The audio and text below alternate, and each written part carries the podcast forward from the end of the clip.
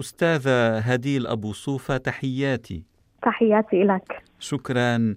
أستاذة هديل أنت ناشطة حقوقية أردنية ومتواجدة حاليا في كندا في مونريال تحديدا حيث تشاركين في البرنامج الدولي للتدريب على ثقافة حقوق الإنسان الذي ينظمه المركز الدولي لتعليم حقوق الإنسان المعروف باسم إكويتاس نعم. وأنت تنشطين في الأردن حسب ما فهمت في إطار مبادرة روابط التي تعمل على بناء قدرات الشباب والنساء والأشخاص من ذوي الإعاقة بهدف الانخراط في مبادرات مجتمعية تعزز احترام حقوق الإنسان.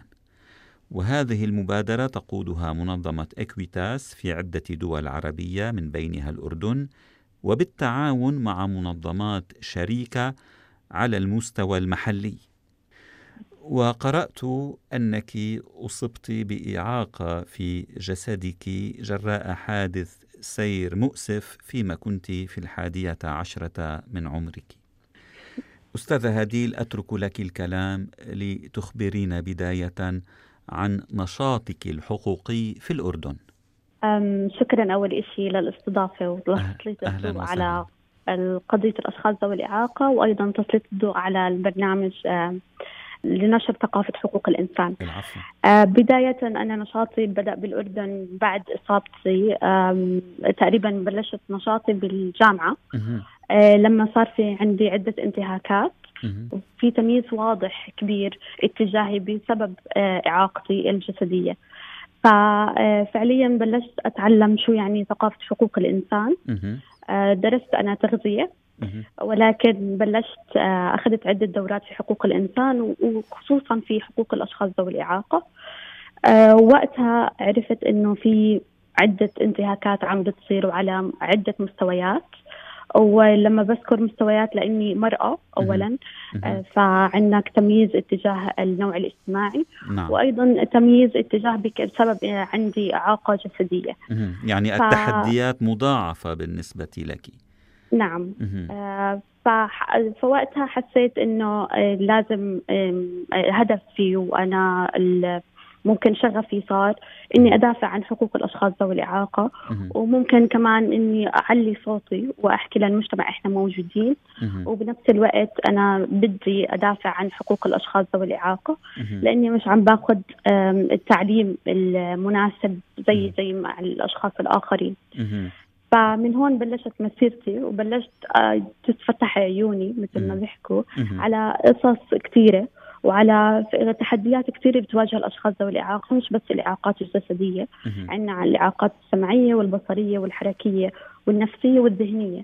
وكل حدا عماله في تحدي معين آه، بحياته أكبر بجزء من الثاني أو بمختلف المستويات.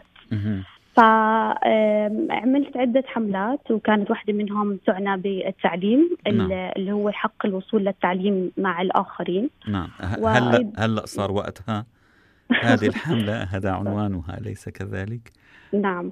فصار وقت ناخذ حقوقنا وصار وقت انه اللي نعيش زينا زي الأشخاص الآخرين ونتلقى تعليم دامج آه، زي زي الآخرين. فهذه الحملة كانت خصوصا بالجامعة الأردنية. نعم. وأيضا تم تعميمها على آه، ثلاث جامعات في الجامعة بالأردن. ومن ثم نقل نشاطي إلى آه، مجموعة من القطاعات منها قطاع السياحة آه، وهي حق الوصول للسياحة للجميع آه، وترويج السياحة الداخلية في الأردن. وأيضا نشاط آخر على مستوى المشاركة المجتمعية وواجب الأشخاص ذوي الإعاقة تجاه المجتمع وهو خدمة المجتمع عن طريق التطوعات. طيب ما أبرز التحديات التي تواجهكم في إطار هذه الجهود لتمكين الأشخاص من ذوي الإعاقة؟ أغلب التحديات أو الأكبرها اللي هي بموضوع قلة التهيئة البيئية والترتيبات التيسيرية. من ناحية عدم قدرة الأشخاص ذوي الإعاقة للوصول للأماكن المهيئة. فهذا بيمنع إنك مثلا بدي أعمل تدريب بمكان معين. هذا عماله بيمنعني إني كشخص مثلا مستخدم كرسي متحرك إني أوصل بسبب الطابق الثاني.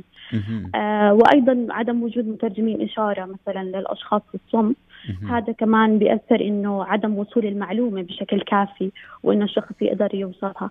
فالتحدي الأكبر هو موضوع قلة الموارد وقلة التهيئة البيئية والترتيبات التيسيرية وأيضا على مستوى آخر اللي هو موضوع الصور النمطية والأحكام المسبقة من قبل المجتمع وأكيد ثقافة المجتمع اللي بتعزز عدم قدرة الأشخاص ذوي الإعاقة. ممكن الكلمات اللي غير لائقة مثل أنت عاجز أو أنت غير قادر.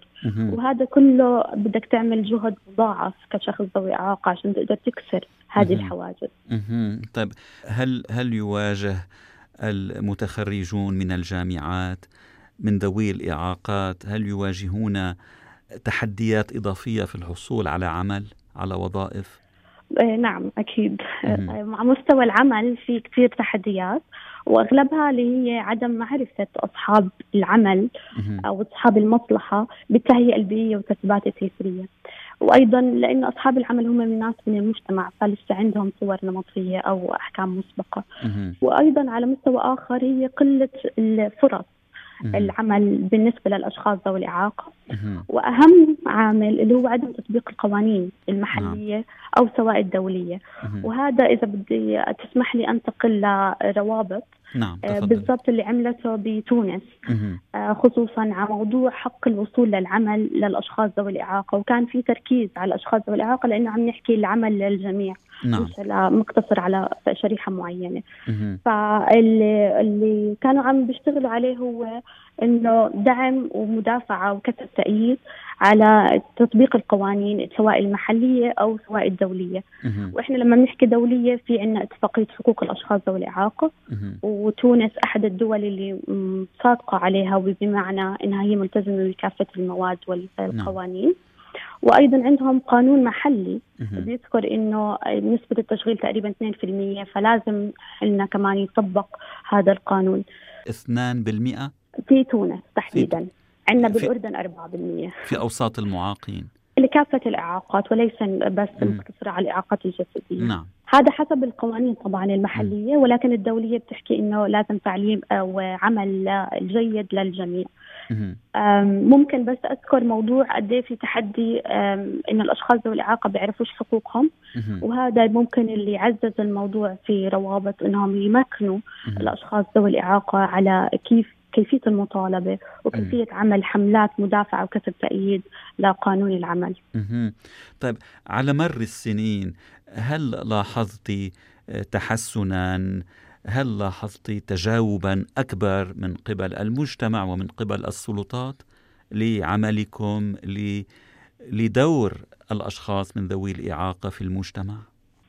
بصراحة في تقدم واضح وخصوصا ممكن أحكي على هذا التقدم إني موجودة هون هلأ بكندا وعم باخذ في تدريبات. نعم وسنتطرق إلى هذه النقطة. نعم، ولكن نعم. في, في, في الأردن يعني هل نعم. هل لاحظتي آه، تحسنا؟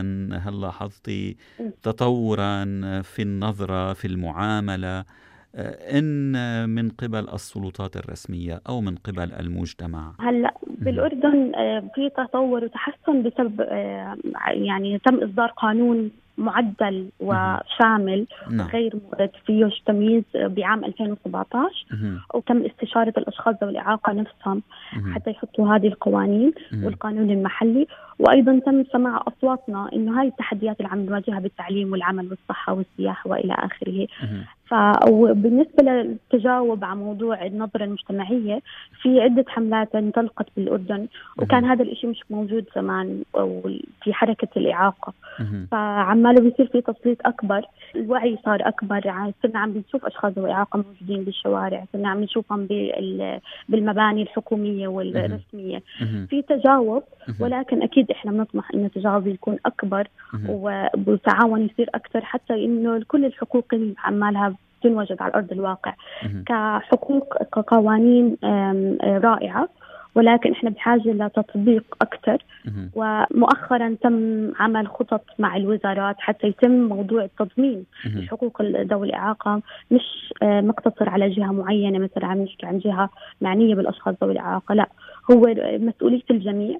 مسؤولية أي وزارة أو حتى المجتمع المدني حتى القطاعات الخاصة إنها توفر الحقوق وأيضا توفر العيش الكريم لكل الأشخاص بالمجتمع ومنهم الأشخاص ذوي الإعاقة.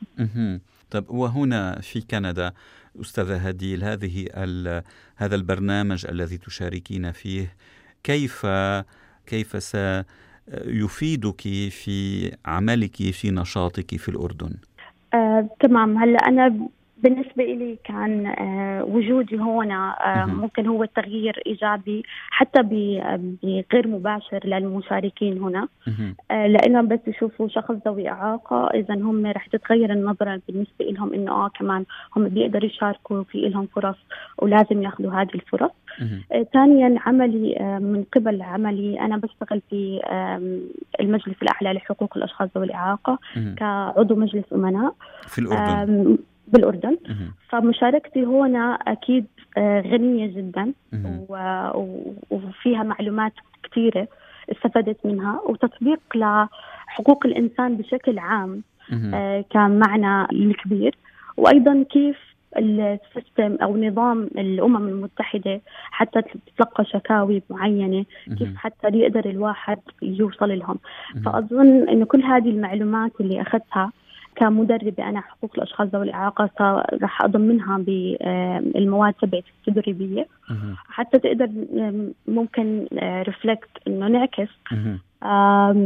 نعكس وجود هذه الحقوق الإنسان بشكل عام لكل الأشخاص وأيضا تحديدا في الأشخاص ذوي الإعاقة وكيفية المنهجية نفسها والتدريب نفسه كيف رح يساعد ويساهم في ذلك.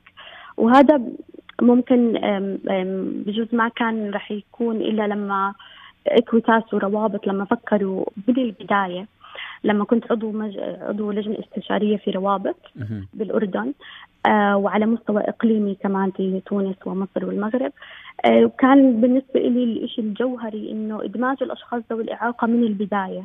آه ومن أول فكرة التخطيط لتنفيذ هذا المشروع وكأيضا إدماجي في مو... في اللجنة الاستشارية بس لأتلقى أو حتى أدعم الناس تقنيا كيف ممكن ندمج الأشخاص ذوي الإعاقة وكيف ممكن ننضم منها. وأيضا عن طريق إعطاء بعض التدريبات التوعوية للمشاركين إنه أنتم عندكم برامج معينة مثلا مثل الزواج المبكر أو مثل تسليط الضوء على التحرش الجنسي للمرأة. وهذا كله أيضا بتعرض له الأشخاص ذوي الإعاقة فكيف نضمن وكيف ندخل موضوع حقوق الأشخاص ذوي الإعاقة والنهج الحقوقي اللي ممكن يقدر يأخذ لنا حقوقنا فأظن كيف النهج القائم على حقوق الإنسان لسه في دولنا آه، ضعيف. فمن خلال شغلي ومن خلال كشغلي كأعمال حرة حتى مع الناس الموجودين حوالي بالدائرة الصغيرة قد إيه ممكن اثر عليهم في موضوع قد إيه النهج القائم على حقوق الإنسان بيختلف عن النهج القائم على الرعائي أو الاحتياج وقد إيه بيفرق بالنسبة للأشخاص نفسهم حتى يقدروا كيف يطالبوا حقوقهم كيف يمكنوا الاشخاص الآخرين إنه أنت صاحب القضية أنت صاحب الحق. روح وعلي صوتك وفرج المجتمع أنت موجود وخذ الحق اللي, اللي أنت بدك إياه. حلو. أستاذة هديل أبو صوفة الناشطة الحقوقية الأردنية شكرا جزيلا لهذا الحديث وأطيب التمنيات بدوام التوفيق. شكرا لك وشكرا لاستضافتك العفو. وتركيز الضوء علينا. شكرا شكرا لك.